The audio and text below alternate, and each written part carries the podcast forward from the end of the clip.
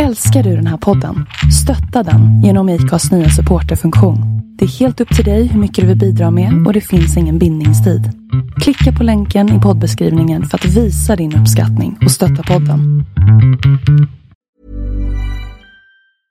I'm Sandra, and I'm just the professional your small business was looking for. But you didn't hire me because you didn't use LinkedIn jobs. LinkedIn has professionals you can't find anywhere else, including those who aren't actively looking for a new job but might be open to the perfect role, like me. In a given month, over 70% of LinkedIn users don't visit other leading job sites. So if you're not looking on LinkedIn, you'll miss out on great candidates like Sandra.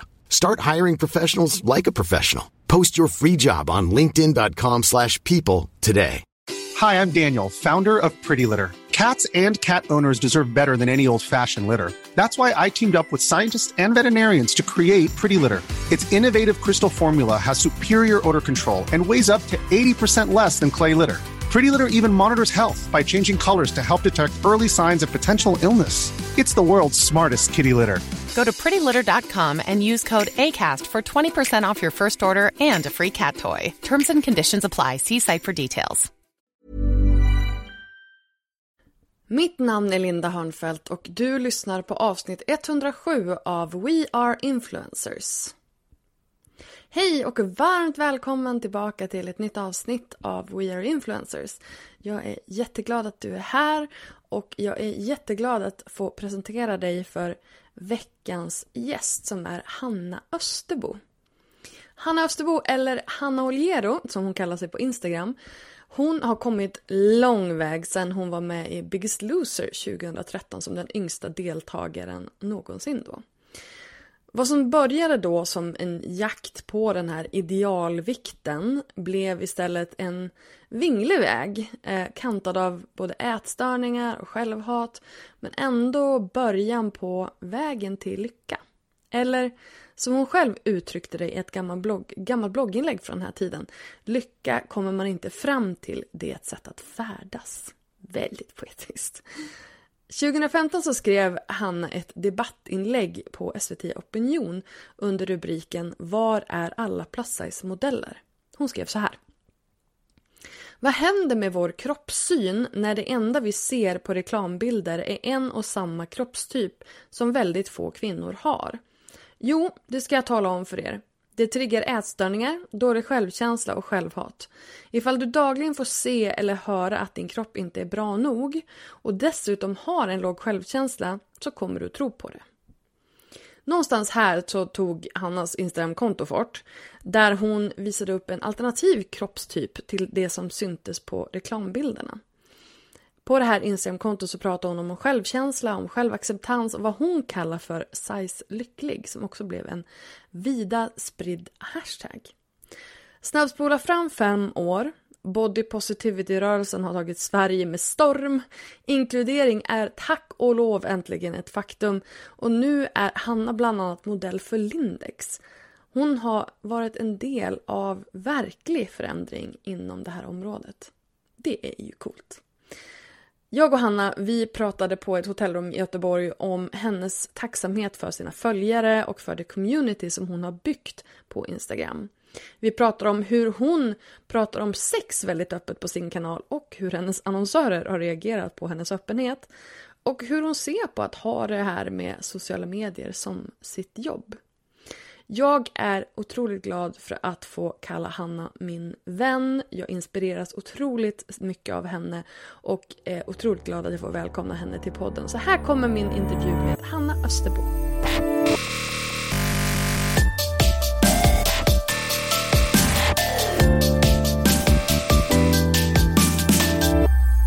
Vi behöver prata om första intrycket på Instagram. Och då syftar jag inte på färgval eller filter eller enhetligt vita bakgrunder. Nej, jag syftar på tydligheten i ditt budskap och varför någon ska klicka på den där följknappen på ditt konto. För innan du kan börja planera hur din feed ska se ut så måste du nämligen fundera på hur ska du fånga din idealföljares uppmärksamhet? Tur för dig så har jag fixat en guide för det här. Den heter Maxa ditt Instagramkonto för tillväxt och i den här guiden så visar jag väldigt bra exempel och berättar hur du ska optimera din profilbild, din Instagram-bio och dina höjdpunkter för att nya följare ska eh, börja följa dig helt enkelt. Ladda ner guiden gratis på lalinda.se maxa lalinda.se maxa. Ska vi börja med en skål? Ska vi börja med en skål? Skål Doro! Välkommen till Göteborg! Göteborg! Utsikt över Åby travbana. Mycket fint och så börjar det regna. Ja visst, då vet man att man är hemma va?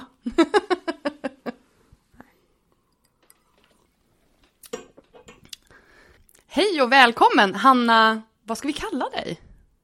Eh, Hanna Oliero kan du ju säga. Hanna Oliero. Eh, Eller Hanna bara. är, är, är ditt efternamn inte offentligt? Jo, eller alltså det räcker ju att googla mig. Håller på att säga. Det gör det inte alls. Nej men jo, jag är absolut eh, öppen med att jag heter Österbo. Men eh, Oliero är mitt, uh, Ditt, mitt pseudonym. ja, ditt, ditt stage name. Mm. Aha, Anna Oliero eh, slash Österbo, Hanna med H, också väldigt viktigt. Mm, jätteviktigt. Eh, Välkommen hit. Tack så mycket. Hur känns det? Det känns jättespännande och kul för att jag har ingen aning vad vi ska prata om. Vi ska prata om dig. Oj! Eller hur? Nej men oj vad jobbigt. Nej det skojar jag bara, det är inte alls jobbigt. Jag du är ju van det här med att podda nu. Ja men det är jag. Mm. Eh, du har ju en podcast som heter Buksystrar. Mm. Ska vi börja där? Jag känner att det är en ganska bra hook för att få folk liksom att fortsätta lyssna på det här avsnittet. Eh, berätta om Buksystrar. Buksystrar är en podd som jag har tillsammans med min fina vän Annie. Och den eh, ursprunget kom nog, alltså vi hade nog tänkt att podda typ sen vi träffades. Men eh, det kom genom att vi av olika anledningar blev buksystrar. Alltså låg med samma, dejtade typ samma män. Några stycken. I, I plural. Ja men det var några stycken som det blev under en period väldigt mycket sådär frekvent. Så att vi nästan var tvungna att skicka bilder varje gång vi skulle på dejt för att inte någon den andra hade liksom. Jag vet inte hur det hände men det bara hände. Och iron, ironiskt nog så hade ni också sagt tidigare att vi har inte alls samma smak. Nej att, det eh, är så himla komiskt för att vi har nog egentligen inte det. Men av någon anledning så har vi liksom träffat typ samma killar. Göteborg är för litet, Ja, vi måste flytta. Verkligen. Ja. Jag vet inte om Örnsköldsvik är större. Nej jag sa inte att du skulle flytta till mig. jag har garanterat många buksystrar där upp, ut, uppe men jag har inte eh, grävt i konceptet. Nej. Nej. Nej och jag hade nog alltid en tanke om att eh, jag inte vill bli buksyster med någon vän. Och det kanske inte är någonting eftersträvansvärt men jag skulle inte vilja vara det med någon annan än Annie. För hon är så himla fantastisk. Nå. Så att vi har en podd där vi pratar om sex och relationer kan man säga. Och den har ju gått väldigt bra. Ja, den har gått jättebra. Det är jätteroligt. Det har blivit... Eh, vi har fått så mycket positiv respons från... För att vi har nog rätt olika infallsvinklar, jag och Annie. Eh, för att Annie dejtar nog mer för att hitta kärlek, typ. Hon är lite mer så här one-on-one dejtare. Jag är nog mer kvantitet före kvalitet. och lever mitt bästa singelliv. Så att jag satsar ju mer på att eh, ha mycket sex och eh, men också söker jag ju passion liksom. Så att, eh, inte jag söker men jag vill, eh, jag gillar passion liksom. Även om jag kanske inte är en traditionell tro på tvåsamhetsrelationer typ. Nej men det är ju ändå en, en rimlig eh, efterfrågan. Ehm, men alltså, det här är ju ändå ganska nytt. För nu känns det ju som att du har blivit någon form av ny, ehm, vad hette hon? Hon Malena, vad hette hon? Malena Ivarsson, vad hette hon? Hon som hade liksom, hon var så här sex och samlevnadscoach på typ Ja men det är så 80-90-talet, himla Bullen. Ja, men alltså, Ehm, du, det känns som att du är liksom, du har tagit den, den, den rollen på något vis. jag, vet inte hur det hände. Alltså, det som, Jag är ganska säker på hur det hände och jag tror att det var både podden men också det faktum att du har varit väldigt öppen i dina sociala medier Mm. om ditt sexliv. Och, och det, jag vill, det jag undrar, det jag vill komma fram till här, är inte bara liksom, vet, gotta mig i ditt sexliv, vilket också är trevligt såklart, men Ja. det är ju eh, vad du har fått för, för reaktioner på det här. Nej men alltså grejen är den här. Jag har ju varit aktiv på Instagram sedan 2012, 13 typ. Så att jag har liksom haft min Och vi Instagram ska i- backa bandet Ja, ja, ja. tids nog. Men liksom i åtta år. Mm. Och under de här åtta åren så har jag ju, det har ju liksom vuxit väldigt mycket med så som jag har utvecklats på något Ja. sätt. Och blivit forum som handlar om alla möjliga grejer. Och för ett år sedan ungefär så separerade jag från min dåvarande fästman. Och hade haft en eh, lång relation. Mm. Ehm, och då blir det ju naturligt att man inte kan vara kanske jätteöppen Mm. eh, med, eh, med sex på det sättet. För att man har någon, form av lojalitet till sin partner liksom. Mm. Och det var ju, alltså, jag menar det var ett, en samborelation så att Det var, det var en normativ Ja samborelation. men precis. Ja. Det var verkligen eh, jättefin, tvåsam, eh, allt sådär. Och sen blev jag då singel förra året och är väldigt bra på att vara singel kan jag säga. jag har insett att under mitt liv har jag varit alldeles för lite singel på att säga. Men jag har varit i många relationer även om jag aldrig känt mig som en relationsmänniska. Men så drabbas kärleken och så blir man kär och så, Mm. Ja. ja. då vill man ju vara med någon. Shit happens. Ja men verkligen. Men eh, sen jag blev singel och började liksom, det började ju lite smått typ. Jag skulle säga att det exploderade när jag hade en frågestund innan sommaren, det var innan vi hade startat podden. Och då frågade någon hur ser en perfekt helg ut? Och då svarade jag typ eh, hänga med min familj, eh, gå på swingersklubb och plocka svamp typ.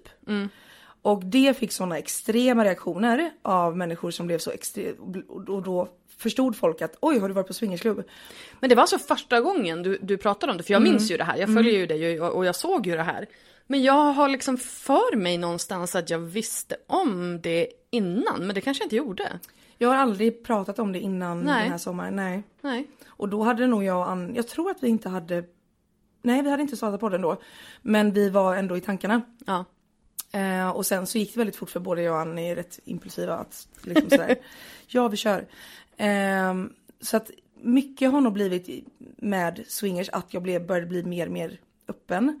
Och sen har det blivit sådana extrema reaktioner. Alltså det, du vet, folk skriver till mig och bara så här, åh men jag ska på den här dejten och hur ska jag tänka och hej och hå." Som att jag kan saker. Alltså, men jag har ingen Du får ju till det i alla fall. Så Ja, men jag menar, det är verkligen. ju, det är ju, du, det går ju bättre för dig än för många andra. Eh, ja, nej men alltså det, det har varit Det rullar på, så att Det säga. har varit väldigt mycket bra nu senaste faktiskt. Mm. Ru- Rullning på, på männen kan man säga. nej men det, de kommer in och ut, kommer säga. Nej men... nej men... ehm, Quite literally. yeah. Nej, men jag tror att det handlar väldigt mycket om att jag eh, formas så himla mycket av det communityt jag har. Och när människor uppskattar det jag skriver om då skriver jag mer om det. Och det för mig handlar det också väldigt mycket om att ta tillbaka min egen sexualitet. Och att jag under många, många år alltid känt mig liksom inte duglig på något sätt sexuellt. Och nu gör jag det och då vill jag prata om det och jag vill inte skämmas över det. Och jag får fortfarande liksom det har varit mycket kritik både mot podden, eh, inte liksom öppet så, men av människor som jag känner liksom, eller har känt. Eh, för att det fortfarande är någonting som är tabubelagt att prata om sex. Ja, för det var ju också det jag tänkte fråga så här, har du, har du bara, för du, du säger ju att du har fått mycket positiva reaktioner och det tror jag ju absolut, för det är ju som sagt det är ett tabubelagt ämne. Eh, generellt k- kvinnors sexualitet och viljan att, att njuta av sex utan att ha någon som, alltså någon slags, att ha sex som män inom citationstecken. Eh, det, det finns ju en, en längtan efter det, en törst efter det. Ehm, men det är ju också upplagt för backlash eftersom att vi ändå lever i, i den samtid som vi gör. Så har du haft också några negativa eh, re- reaktioner på det här? Alltså, mm, jag har ju på något sätt blivit så himla skonad från liksom kritik och hat typ alltid oavsett vad jag har skrivit om. Vilket är fantastiskt. Jag har de mest lojala följarna, finaste människorna i hela världen. Så fint. Ja, men det är verkligen eh, när folk pratar om att sociala medier är farligt och jag kan verkligen så här inte skriva under på det för jag tycker att mitt, alltså det som sociala medier har gett mig under de här åren har varit helt ovärderligt liksom. Jag vet inte vem jag hade varit om jag inte hade haft det här forumet. Ehm, så att jag har inte fått någon så kritik från följare utan det har varit bara typ positivt. Sen har det varit, eh, framförallt så, så var det ett, ett, eh, ett umgängeskrets jag umgicks mycket med och eh, några har nämnts i podden. Och de tyckte att det inte kändes okej. Nu har vi ju aldrig nämnt någon vid namn. Nej. Utan vi pratar ju alltid under, vi ger dem smeknamn liksom. Eh, och jag tycker heller inte att vi har pratat negativt om någonting. Alltså så här att det har varit liksom, jag skulle aldrig säga så här, ah, men shit jag låg med den här killen, det var så himla dåligt. För Nej. att jag tycker att sex mellan två personer är dåligt så kan det lika gärna vara jag. Alltså vi matchar liksom inte. Nej, Så att jag tycker inte att podden handlar om att shamea liksom. nej absolut inte. Ehm, utan det handlar mer bara om att prata öppet om det. Och det väcker, men eh, jag insåg, för jag hade en jätte jättedålig grej som jag gjorde förra veckan tror jag det var. Rekommenderar ingen att göra det. Eh, jag hade en frågestund där jag skrev, snälla berätta era fördomar om mig. Mm. Gör inte det. Det var den absolut sämsta idén jag någonsin har haft på väldigt länge. Hade jag kunnat säga till dig innan, Ja, men, jag vet, men du frågade inte mig. Det. Och, nej, och så tänkte jag så här att men jag ska, jag ska liksom, exponeringsterapi, jag ska bli bättre på att ta kritik. Ja. Och, då fick jag ju 5000 miljarders meddelanden Mm. om att de, folk trodde att jag eh, mår dåligt innerst inne och att jag använder sex eh, som typ missbruk eller att jag använder sex som Självmedicinering. Precis och att jag egentligen liksom bara mår piss typ. Det var jätte, jättemånga och det var, jag menar, jag vet inte om folk är medvetna om när det är frågestunder att även ifall när jag delar svaren i de anonyma så ser ju jag vem det är som har skrivit. Japp. Och det var ju jättemånga av mina liksom lojala följare som bara skrev de här sakerna. Och jag blev så chockad och förvånad och då insåg jag också hur viktigt det är att fortsätta prata om det. Ja men eller hur, därför att det, tydligen så kan inte, man kan inte ha mycket sex som tjej med olika personer utan att må dåligt. Nej. För att det är som att jag försöker då dölja, liksom så här, jag försöker liksom dränka mina sorger i sex och alkohol typ. Och det är så här, nej men jag gillar att ligga, jag gör verkligen det. Och när jag är ute, och speciellt när jag dricker, då, alltså alkohol är lite Viagra för mig.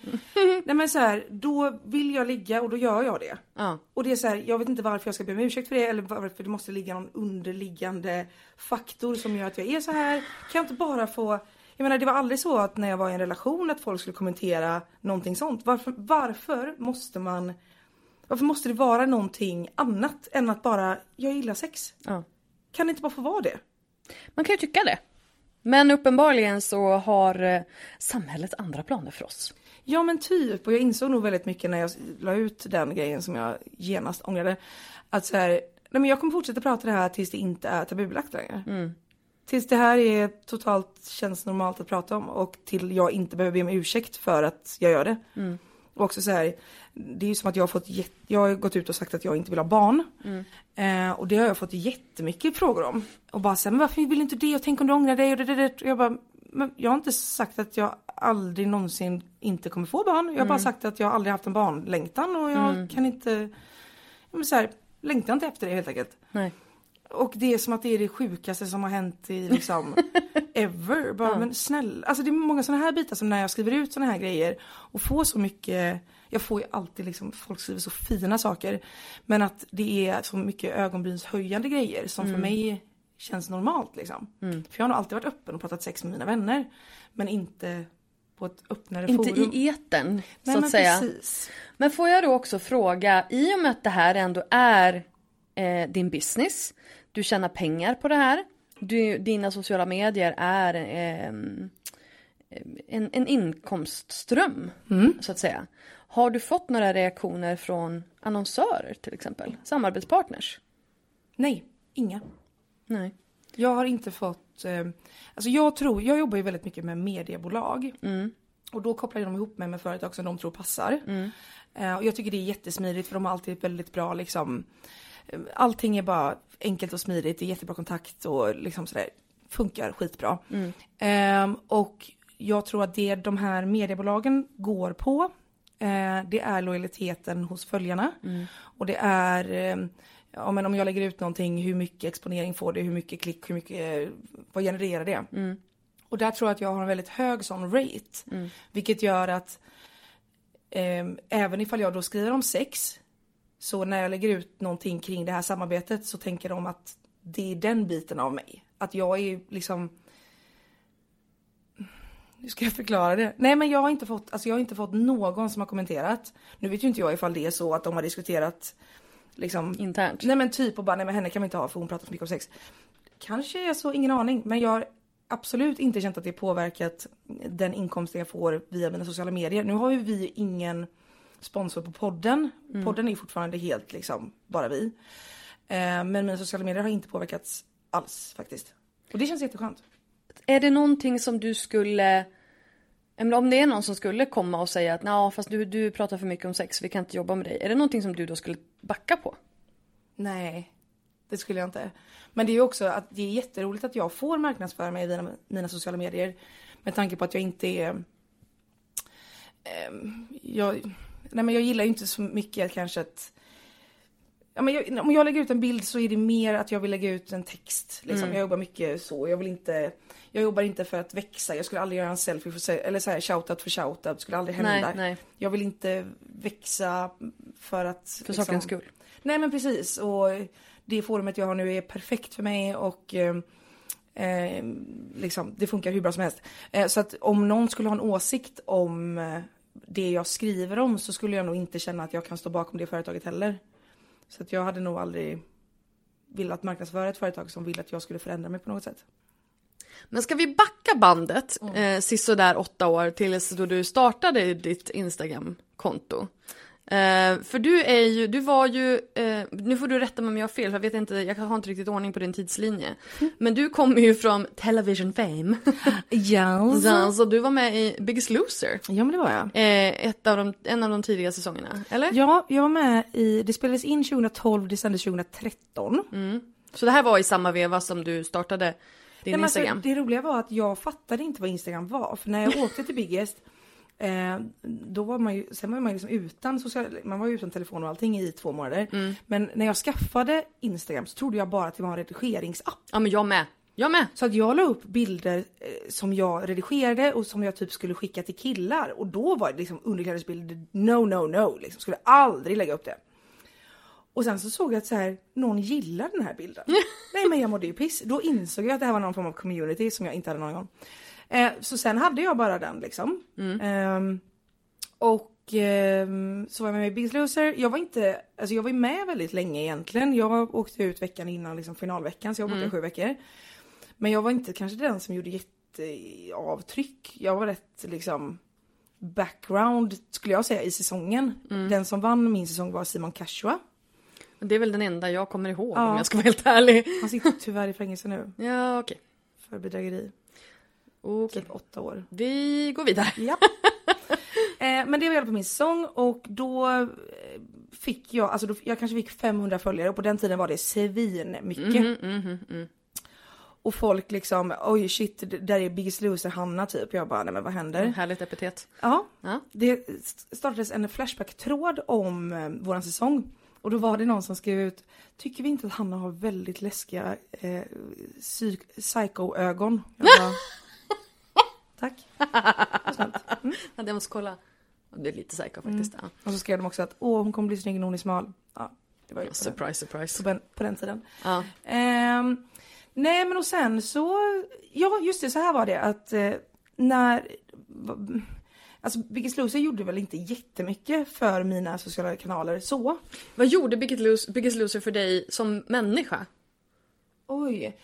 Det som jag gillade med Biggest var att det var första gången i mitt liv där jag kunde ha, vara i ett sammanhang där jag inte tänkte på att jag var tjock. Det kan jag tänka mig. Eh, utan där var jag bara jag. För jag. Vi pratade mycket om det där och då.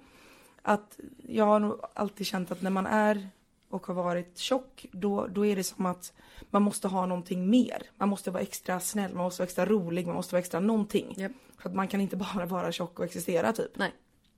Nej, för då hamnar man på minus. Ja men lite så. Ja, för att komma måste- tillbaka till noll Ja. i sitt värde som människa så måste man ha någonting annat. Exakt. Och där var vi alla under samma förutsättningar. Jag, jag kan säga så för jag är också tjock så jag, må, jag kan liksom Nej, så här, relatera ja. till det här. Ja. Precis.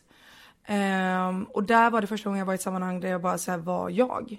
Och vi hade en jätte, jättenära, um, alltså vi var så nära det gänget som var där. Så att det gav ju jättemycket i, i den aspekten. Nu har man ju inte jättemycket kontakt med dem idag. Och jag skulle aldrig någonsin göra om det. Eh, det Varför skulle jag inte? Därför att jag tror inte på den typen av viktnedgång. För att eh, 95% av alla som är med i Biggest Loser går upp i vikt igen. Eh, och det har gjorts forskning på det och eh, det liksom funkar inte. Nej. Men det är jättebra tv liksom. Men det var en väldigt fin, vi hade en väldigt fin känsla mellan oss deltagare. Det var väldigt liksom, de försökte ju typ produktionen att få lite intriger och det blev liksom aldrig så. Vi backade varandra jättemycket.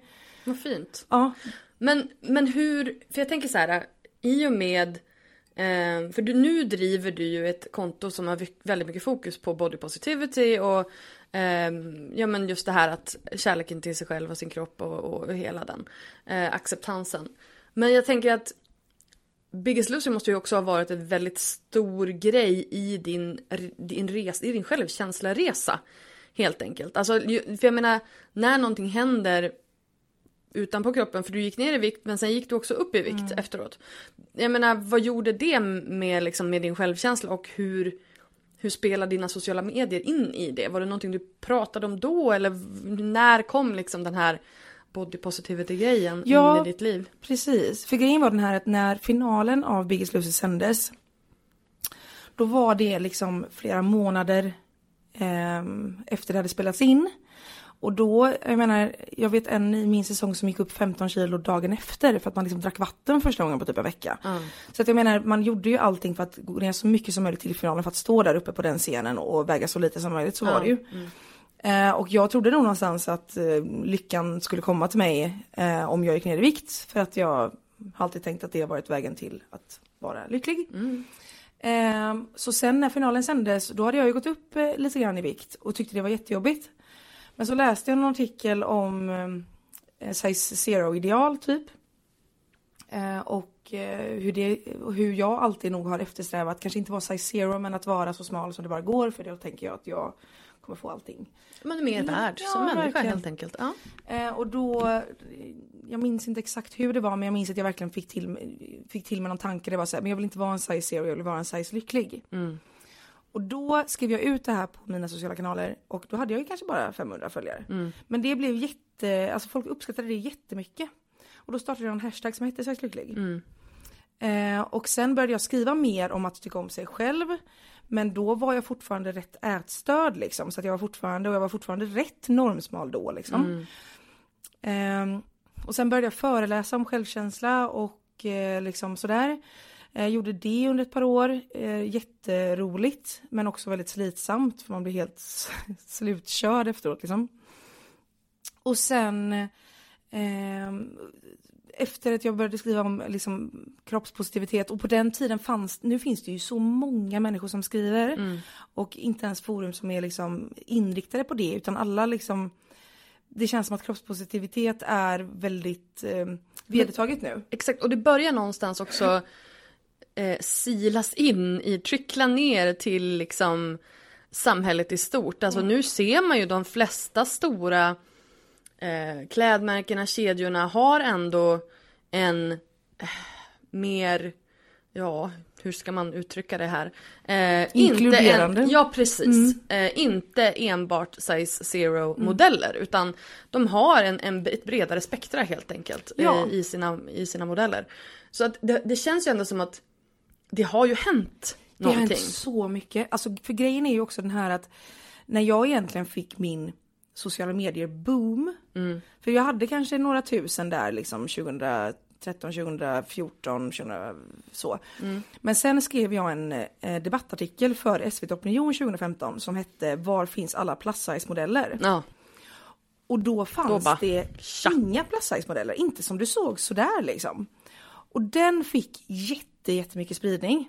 Um, och jag tror den liksom lästes alltså 250 000 gånger. Alltså jättemycket och då började jag bygga upp mitt. Viral kan man kalla Viral, ja men precis. Viral blev den.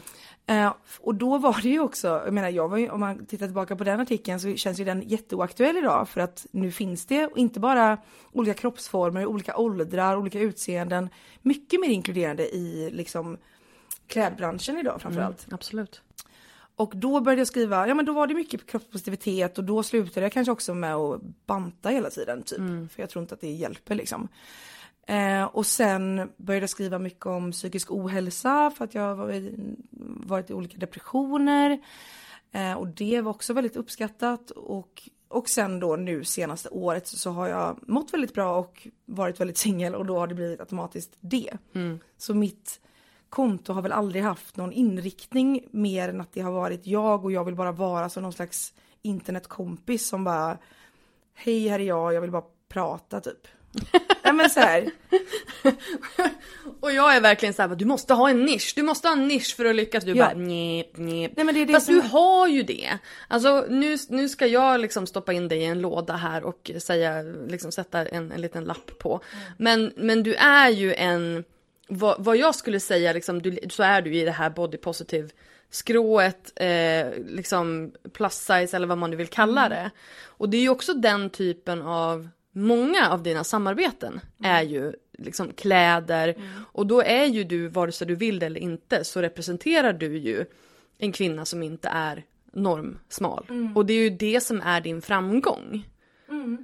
För jag menar det måste ju också vara så här, det måste vara en sjuk grej du, och du får liksom, om den är positiv eller negativ, men just det här att, att, att man från att man har varit den här personen som inte får vara med, som känner att man inte är värd, som känner att man måste liksom väga upp för att man ser ut som man gör, till att vara en, en, ett, en poster girl, en, en, eh, ett exempel som lyfts upp för att få andra att känna sig inkluderade.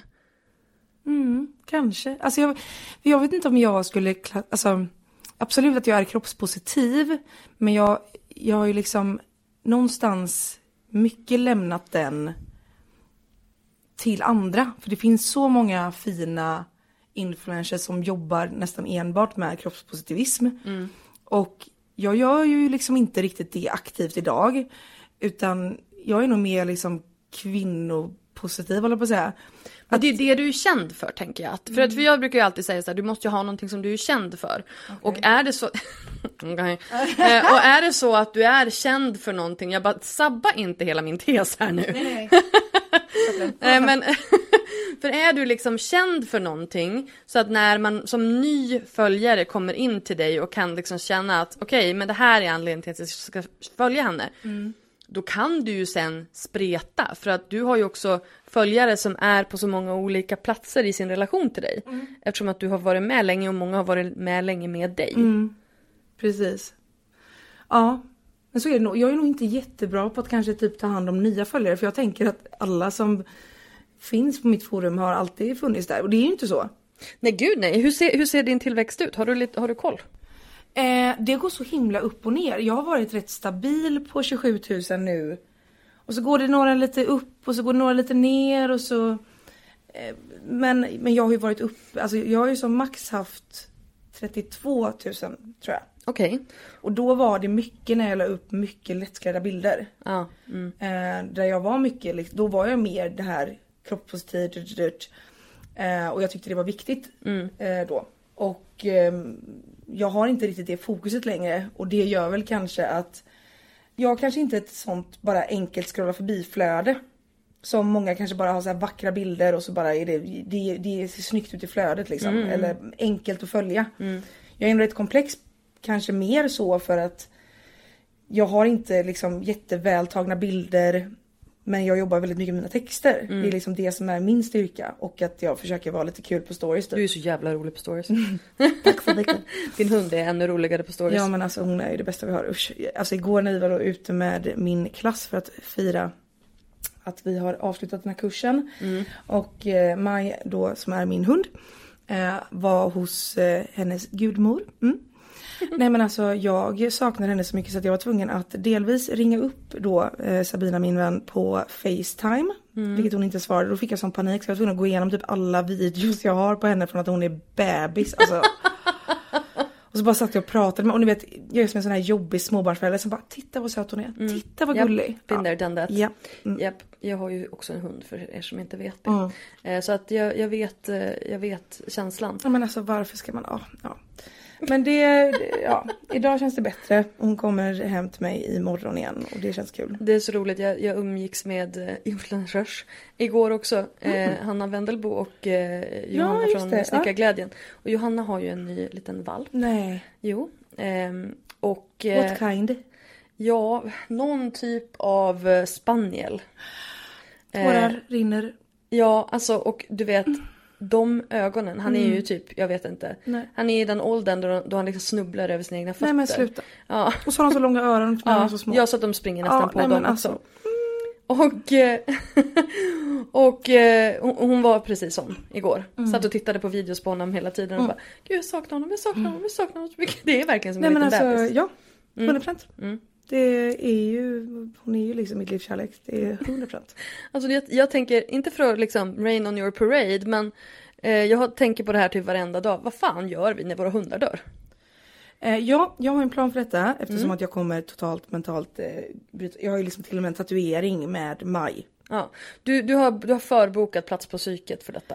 Eh, delvis det. Mm. Eh, det är så. Sen har jag köpt en begravnings... Eh, nej det har jag inte gjort. Gravsten. Jag bara, kan man göra det? Jo men jag har hört att det finns en hundkyrkogård någonstans i Fast Göteborg. det är ju på riktigt läskigt. Nej. Do we really have to go Stephen King all over it liksom? Ja, ah, Ja, ah, okej. jag vill ju ha någonstans att liksom lämna blommor. Ja, nej, vi kan inte prata om det.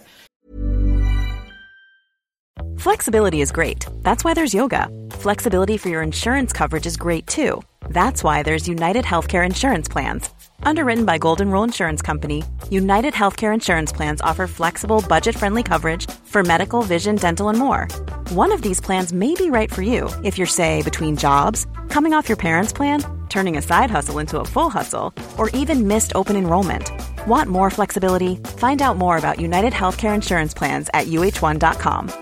Many of us have those stubborn pounds that seem impossible to lose, no matter how good we eat or how hard we work out. My solution is PlushCare.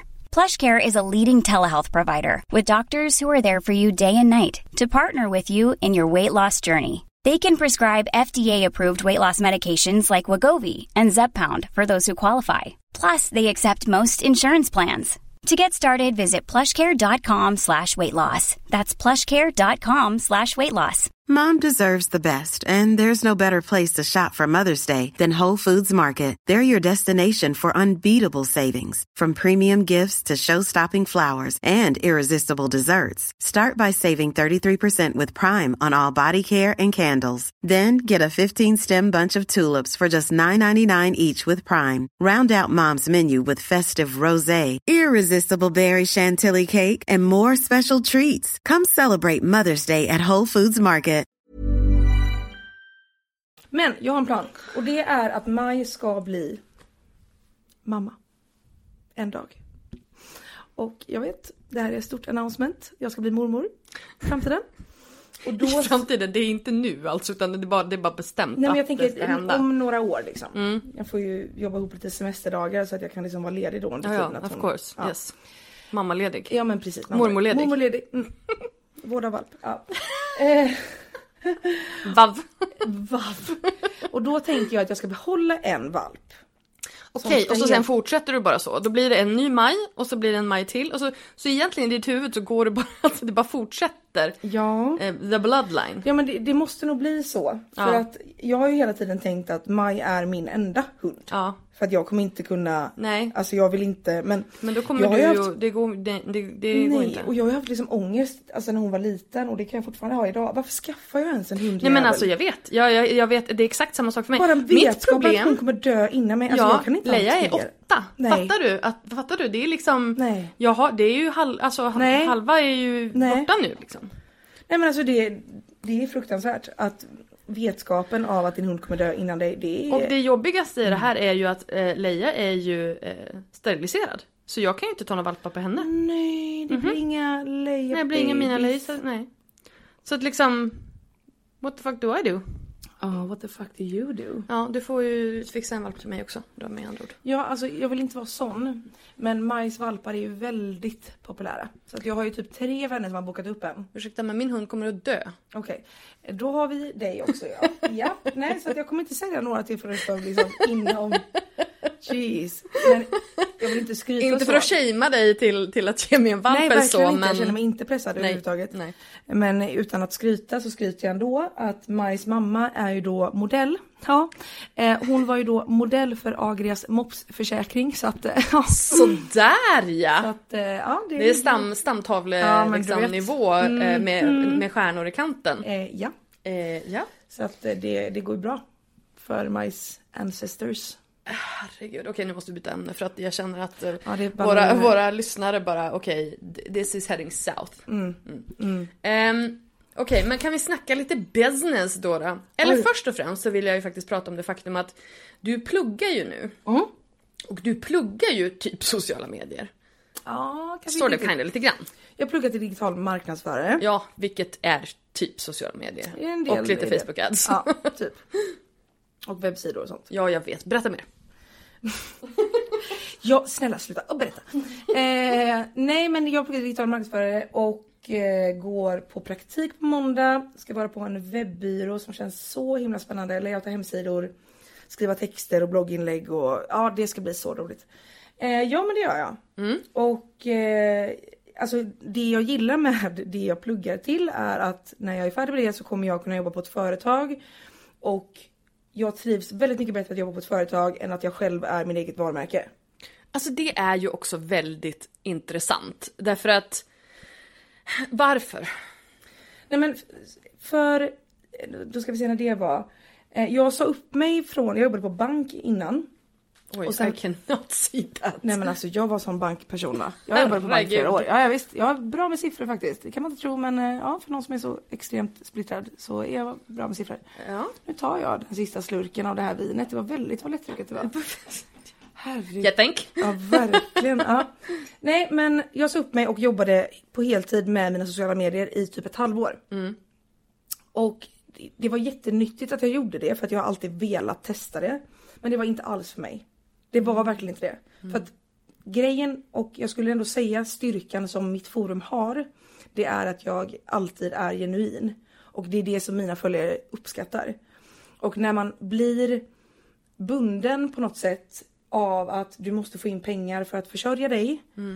Då slipar man ner sin egen genuinitet och jag kände att det fanns tillfällen jag gjorde i samarbeten som jag idag inte skulle ha gjort. För att det inte går ihop med mitt varumärke eller mig som person. Ehm, så att jag skulle aldrig vilja jobba på heltid som influencer någonsin för att jag jag tycker, alltså jag tycker det är ensamt. Det är ensamt att jobba själv. Eh, om man tänker eventmässigt så tycker jag kanske inte att jag har jättemycket gemensamt med andra influencers. Eh, ofta. Jag drivs inte av... Inte ens med mig. Ja men, du är ju liksom, du är ju mamma influencer på något sätt. Tack ja. Tack ja.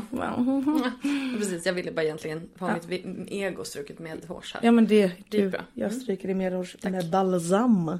Oj! Nej, så att jag tycker det är jättespännande med sociala medier men jag tycker inte om att jobba med det på heltid. Jag är jätteglad att jag får samarbeten nu. Eh, men jag tänker nog i framtiden eh, att jag kanske inte kommer, alltså när jag väl får ett jobb så tror jag inte kanske att jag kommer hinna. Ehm, Då är min fråga. Eh, för det här känns ju som att din definition går ihop ganska mycket med eh, vad väldigt många tänker kring influenceryrket. Och det är ju att din enda inkomst är samarbeten. Jag menar, det behöver ju inte vara... Sen är det så här, fast då, då, hur definierar du en influencer? Oj. Eh, ja. Eh, jag identifierar en influencer med någon som på något sätt har någon form av plattform där de har mer följare än de känner typ. jag vet inte men ja men Men vad skiljer då ett företag från en influencer? eh, jag upplever att en influencer är en privatperson som visar upp en företagssida fast gör det på ett genuint, eller försöker göra det på ett genuint och privatpersonligt sätt. Förstår du vad jag menar? Det låter ju väldigt eh, eh, manipulerande. Ja, men vadå? Sociala medier kan ju också... Manipulerande behöver inte kanske alltid vara negativt. Utan mer... Nej, jag vet inte. Nej men det kanske är det det är. Och det är väl kanske därför som jag inte kan identifiera mig som en influencer. Gud vad glad jag är att du är med i podden. Nej men alltså... Nej men det, det här är ju också en ganska frisk fläkt i jämförelse med väldigt många som är eh, för jag tror att också många, jag tror att det här är viktigt för eh, lyssnarna att se en annan sida av det här också. Och det någonstans som jag vill ta från det här det är ju just det här att man behöver inte ha samarbeten som sin primära inkomst bara för att man är en influencer. Ehm, det, och det är också därför jag frågar så här, vad är det för skillnad på, på, på en företagare och, och en influencer? Och enligt mig så är det ju egentligen bara utgångspunkten. För att det influencers har gjort, det är ju att de bygger upp följarskaran, relationen med följarna, fokus på det, fokus på innehåll. Och sen kanske det kommer en produkt. Mm. Medan ett företag har sin produkt först av allt och sen försöker bygga sociala medier. Det där var så vettigt sagt. Tack! Du är så vettig. Det var Tack. jättebra förklaring. Plötsligt händer det. Nej men snälla. det var jätte, jättebra förklaring. Ja. Och, för att, och, det, och de som gör, de som blir riktigt framgångsrika, både influencers och företag, det är ju de som lyckas göra både och. De som lyckas, lyckas bygga tillit och relation med publiken men också ha en, en produkt som fungerar som, som man kan sälja. Mm.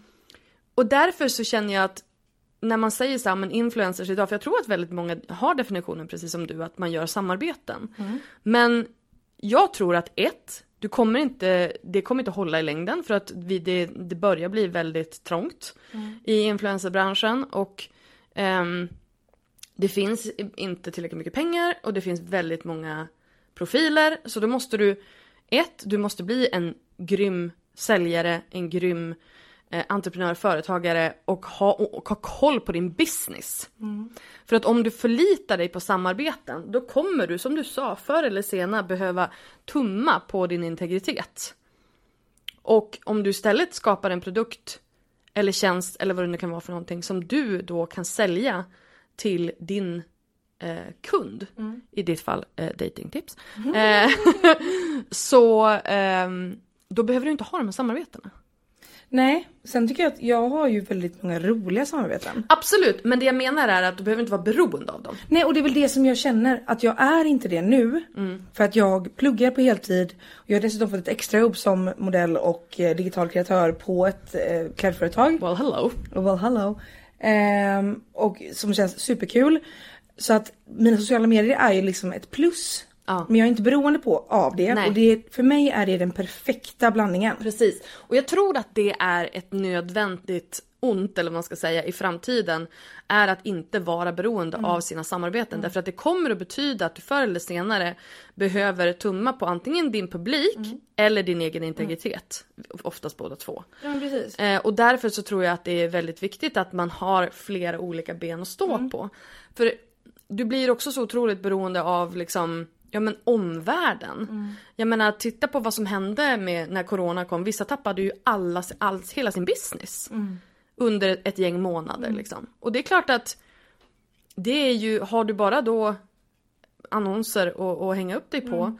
Ja då blir det ju tajt. Mm. Sen har det varit tajt för väldigt många ändå. Visst, men, men jag menar att har du ett inkomstben och det slås undan. Då, då, blir, det, då blir det jobbigt. Mm. Eh, så att jag tror ju att du har någonting på gång där. Um, även, och sen är, ju, är det oavsett om, om du har ett, ett heltidsjobb eller om du har en, en, ett företag eller vad, vad du nu gör för någonting. Men, mm. men just det här att man inte hänger upp sin inkomst bara på samarbeten. Nej men precis och det tror jag är jätteviktigt. För det har jag också känt nu när För det gör ju också att jag idag kan nu, det som är så fint med de här mediebyråerna jag jobbar med är att de de skickar så extremt relevanta samarbeten. Mm. Att jag skulle aldrig få ett samarbete med en, de skulle aldrig skicka med en Viktväktarna till exempel. För de vet att jag skulle aldrig någonsin marknadsföra dem.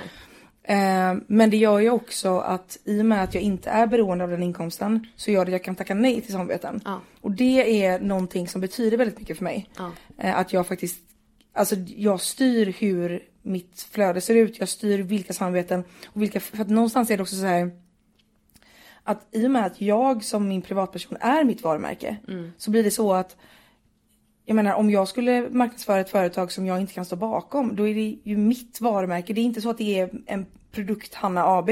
Nej. Utan det är jag. Mm. Och det är nog det som också kändes så mycket när jag jobbade med det på heltid. Att jag, jag, jag kände inte det. Alltså jag kände inte att jag genuint kunde stå för allting. Eh, och jag kände att jag var tvungen att jaga samarbeten på ett helt annat sätt än vad jag idag gör för att jag mm. är inte beroende av inkomsten. Mm. Um, och sen är jag väldigt jätteglad för att företag tror på, på mig men samtidigt så jag tror mer att de tror på siffror och jag tror att jag har väldigt lojala följare och det är det som gör att de vill marknadsföra sig. För jag har mycket samveten. Mm. Eh, och jag tror, jag tror också att eh, mikroinfluencing, har, det har ju börjat nu med- liksom samarbetsmässigt senaste året typ mycket mer. Eller åren. Eh, och jag tror att det kommer komma ännu, ännu mer i framtiden. Och ännu mindre än vad jag är. Jag tror att man kommer alltså, Du är ju inte, alltså visst du kanske räknas som mikroinfluencer rent, rent tekniskt men jag tänker att mikroinfluencer är ju någon som är kanske ligger under 10 till och med. Ja, det tror jag. Eh, Det sa, när vi pluggade marknadsföring så sa min lärare att under 10 000 då är det mikro. Men jag skulle inte säga att jag är en makroinfluencer. Ja. Nej men att det finns, alltså jag tror att vi kanske måste också se över den där skalan och, och lägga till några fler steg. Ja. Men, men jag känner också att så här. Det är ju också där, det där, alltså mikroinfluencer, det skrået är väldigt komplicerat just nu. Därför att vissa använder också det som någon slags ursäkt för att, ehm, alltså som försöker, alltså ju- just det här med att betala med produkter. Och det är ju så här, är du mikroinfluencer, ja då kan du inte vänta dig att få betalt i pengar utan då får du betalt i produkter. Och jag bara, jag bara, men alltså det där är inte, det ska inte existera överhuvudtaget. Och det är ju fortfarande att jag får samarbetsförfrågningar ja, där gud, det är att jag det får kan jag tänka mig.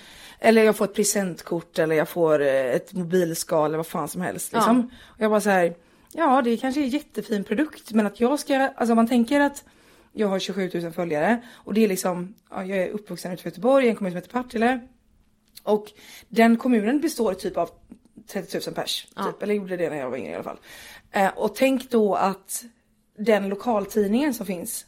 Att någon skulle annonsera där och säga nej men du får ett mobilskal för att jag får den så jag är. Ja. Varför skulle jag ta emot det? Och på något sätt blir det också för mig, det blir en sån eh, det blir också en lojalitet mot mina följare. Att jag marknadsför ingenting som Nej. jag inte får betalt för. Och det vill jag att de också vet. För då lägger jag ner, man lägger ner tid och Ja. liksom jättemycket engagemang för att göra ett bra content. Och då om jag inte får betalt för det. Alltså jag tycker det känns helt orimligt. Det känns orimligt, det känns eh, respektlöst mot alla inblandade, främst dig och dina följare.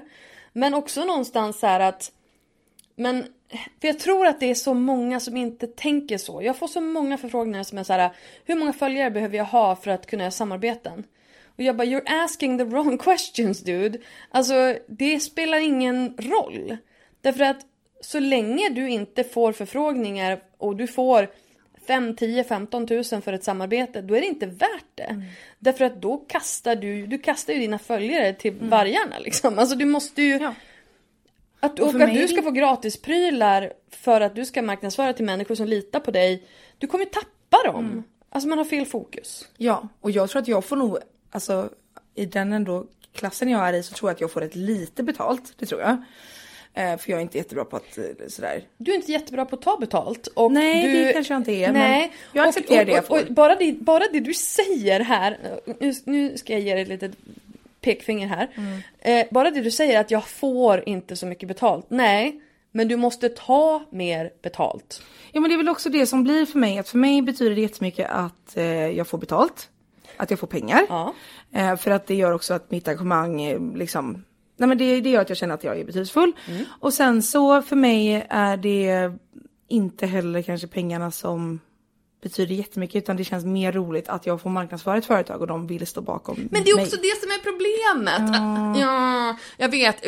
Så här, och jag, jag tycker du gör ett jättebra jobb, du, använder, du jobbar med jättebra annonsörer. Men problemet är ju också, och det här är ju ännu större bland de som är mycket mindre än du. De är ju bara tacksamma. För att säga, jo men de såg mig, de gillar mig och, då, och jag fick faktiskt vara med. Och återigen, då är vi där igen. Så här, ja absolut, du fick vara med, de gillar dig. Men du levererar ju värde till dem. Jag det är ju därför de vill jobba jag med dig. vet, Jag vet, jag vet. Och därför så är ju inte, också de det här gör ju inte dig en tjänst. Nej men det här är också varför jag inte vill jobba som influencer. För att jag är inte, jag är liksom inte säljare. Jag är Nej. inte bra på att sälja in mig själv på det Nej, sättet. men det- är skillnad. Det är skillnad på att sälja in sig själv och att se värdet i sig själv. Ja, det kan man tycka. Nu blir det deep shit. Ja men alltså det, det, det blir, det är alltid lite therapy Ja, i många av de här poddarna. Därför att det är, det är ju faktiskt så att Nej, och jag tror inte jag vet någon, okej, Elinor Löfgren, hon är bra på att sälja in sig själv. Och det finns de som är, Therese Lindgren har jobbat som säljare, hon kan sälja in sig själv. Och de som är bra på det, de, det är de som kan separera sin person från sitt företag. Och det är det jag inte kan. Och Nej. det är därför jag vill jobba på ett företag. Och därför är det viktigare för dig att du lär dig värdera det du erbjuder. För då behöver du inte sälja in dig själv, du behöver bara sätta att så här, ja fast jag är värd det här. Sen om du inte vill betala det, jag behöver inte övertala dig. Men du kan inte komma till mig och säga du får det här och jag bara nej fast jag är ju värd det dubbla. Därför att jag har det här engagemanget, jag har det här och det här. Och vill du inte ha det, nej men då behöver du inte ha det. Men du är så himla duktig på att se ditt eget värde på så många andra nivåer och på så många andra områden. Så det faktum att du nedvärderar dig själv och säger ja men de ger ju mig lite pengar i alla fall. Och de gillar ju mig. Ja, men det räcker inte. Det är nog också mycket konflikträdsla. Att jag inte, alltså jag vill inte ta, jag gjorde faktiskt det, jag hade ett, ähm, haft ett samarbete under ett par månader med ett företag. Och eh, då fick jag en ny eh, förfrågan och då, då så skrev jag faktiskt så här, jag bara, jag upplever, för det är rätt mycket research som krävs för det samarbetet. Och då så skrev jag det, jag bara, jag tycker att den researchen jag gör eh, är värd mer pengar än det jag får för ett, en post. Liksom. Exakt. Eh, Och, och då, då- handlar det också väldigt mycket om så här, ja men hur lång tid tar det? Vad har du för timlön? Vad har du för timpenning? Och som företagare så ska du, alltså men om man går, om man går ner, ner, ner, ner, ner i pengar så snackar vi alltså typ aldrig under 600 spänn. I timmen. Jag kostar 1500 i timmen. Mm, you're expensive girl. Ja du, det finns jättemånga som är mycket mer dyra än jag. Men ja, jag har ju, ja det är klart att jag har höjt mitt pris. Och det är också det som jag, med det här, eh, det här jobbet jag fått nu på Mandel Design då som är ett klädföretag. Ehm, där, de var så fantastiska för jag visste inte ens att det var en jobbintervju utan de ville bara träffas och liksom så här. Eh, för att jag känner en tjej som jobbar där.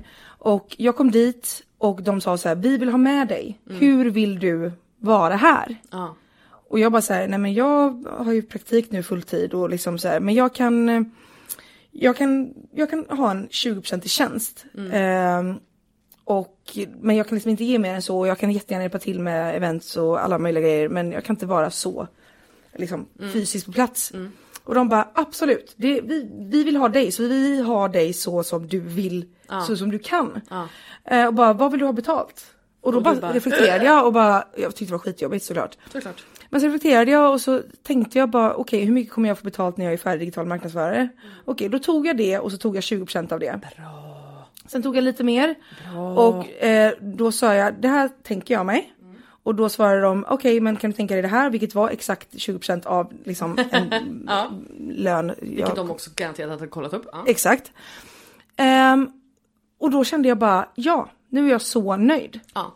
För, för liksom, och där känner jag ju verkligen att de, de vill inte ha mig för att, alltså de vill ha mig för att jag är jag. ja. De vill inte ha mig för att jag kommer ge det liksom, Och det är väl det jag känner så här, det är ju de, det är ju de annonsörerna man också ska jobba med. Mm. Att de vill ju ha dig för att du levererar bra resultat, för att du levererar bra, innehåll Mm. till en målgrupp som är relevant för dem. De skickar inte ut ett massmail och liksom och tar det som finns. För, de, för, för det är så många som säger till mig, bara, ja men då kanske då går de väl till någon annan. Ja men låt dem! Mm. Då vill de ju inte, då var inte du så viktig ändå. nej och det är väl det det hela tiden handlar om på något sätt att så här alltid fundera och det är väl också det som är problemet eller svårigheten med att vara influencer.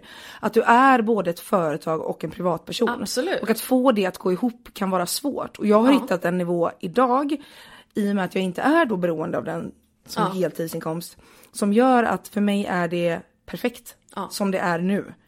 Eh, och jag älskar det. Och jag älskar att få skriva och jag, jag kan liksom, ja, men, när jag jobbade med det på heltid så tänkte jag väldigt mycket på att jag måste lägga ut i den här tiden och jag måste börja svara på kommentarer och jag måste liksom, ni vet, nu ska jag bli duktig på detta.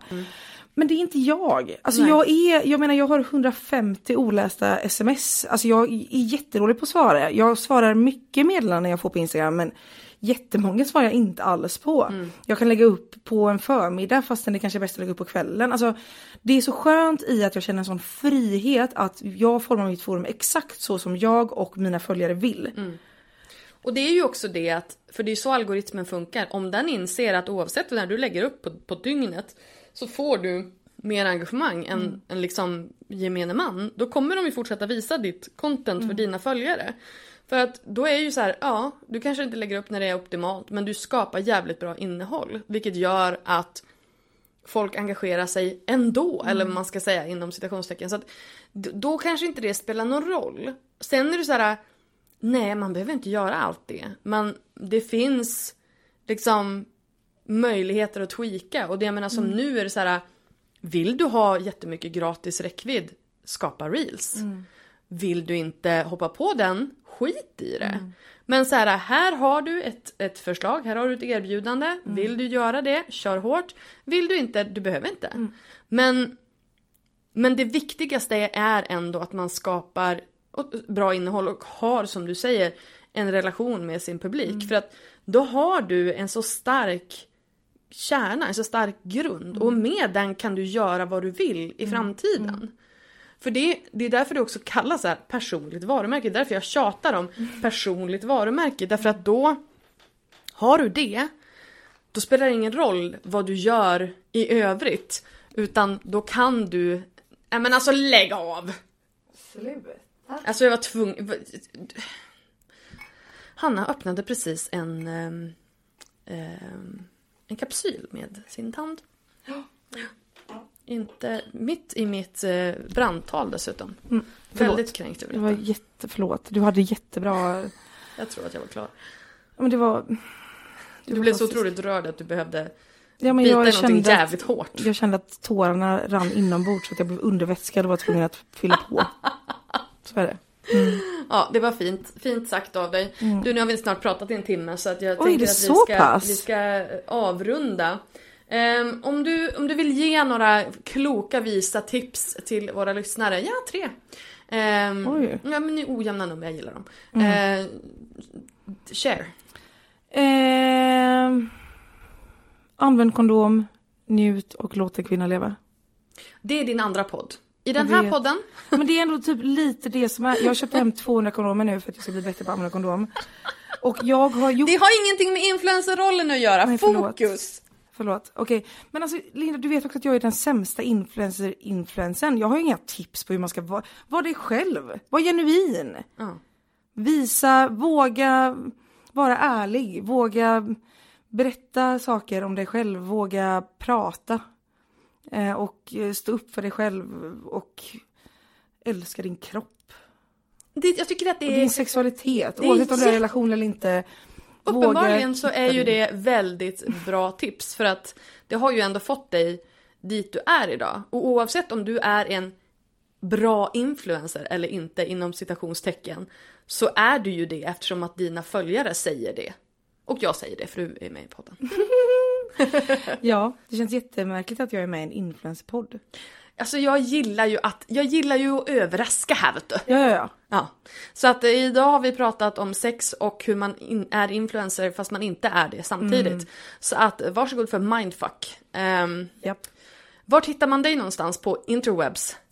På interwebs. Eh, jag heter Hanna Oliero, O-L-I-E-R-O, på Instagram. Och jag, podden heter Buksystrar.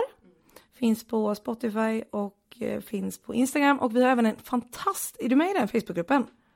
Ja, det den är är jag. fantastisk. För den är har den. liksom blivit någon form av eget liv. Mm. Så i den Facebookgruppen så skriver folk alla möjliga datinggrejer och eh, får tips om andra. Och fantastisk Facebookgrupp. Buksystrar heter den också. Mm. Eh, ja, så finns jag. Mitt telefonnummer... Nej jag skojar. Så att eh, häng, gå och häng med Hanna om ni vill ha en härlig cybersyster och hänga med. Eh, på, till vardags. Eh, tack snälla för att eh, du var med och satt och tittade på Åbytravet med mig. Men alltså tack så jättemycket för att jag fick hänga med dig så här på ett litet hotellrum utanför Åbytravet. Jättemysigt. nu ska vi ha en härlig kväll. Det ska vi, tack för idag! Puss och kram, Puss och kram, hejdå! Det var det. Jag hoppas verkligen att du har fått några nya insikter, några små aha-upplevelser eller bara lite härlig inspiration av det här avsnittet. Om du gillar podden så får du hemskt gärna stötta den genom att ge den ett betyg, eh, gärna ett högt, sådant, i din närmaste podcast-app. Och glöm inte att connecta med mig på Instagram, at lalinda. Vi hörs nästa gång. Sköt om dig så länge. Hej då!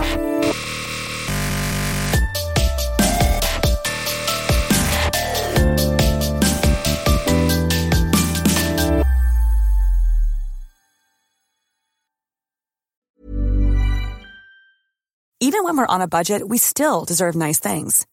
Quince is a place to scoop up stunning high-end goods for 50 to 80% less than similar brands. They have buttery soft cashmere sweaters starting at $50, luxurious Italian leather bags, and so much more. Plus, Quince only works with factories that use safe, ethical, and responsible manufacturing. Get the high-end goods you'll love without the high price tag with Quince. Go to quince.com slash style for free shipping and 365-day returns. Hey, it's Paige DeSorbo from Giggly Squad. High quality fashion without the price tag. Say hello to Quince. I'm snagging high-end essentials like cozy cashmere sweaters, sleek leather jackets, fine jewelry, and so much more. With Quince being 50 to 80% less than similar brands. And they partner with factories that prioritize safe, ethical, and responsible manufacturing. I love that. Luxury quality within reach. Go to quince.com slash style to get free shipping and 365 day returns on your next order. Quince.com slash style.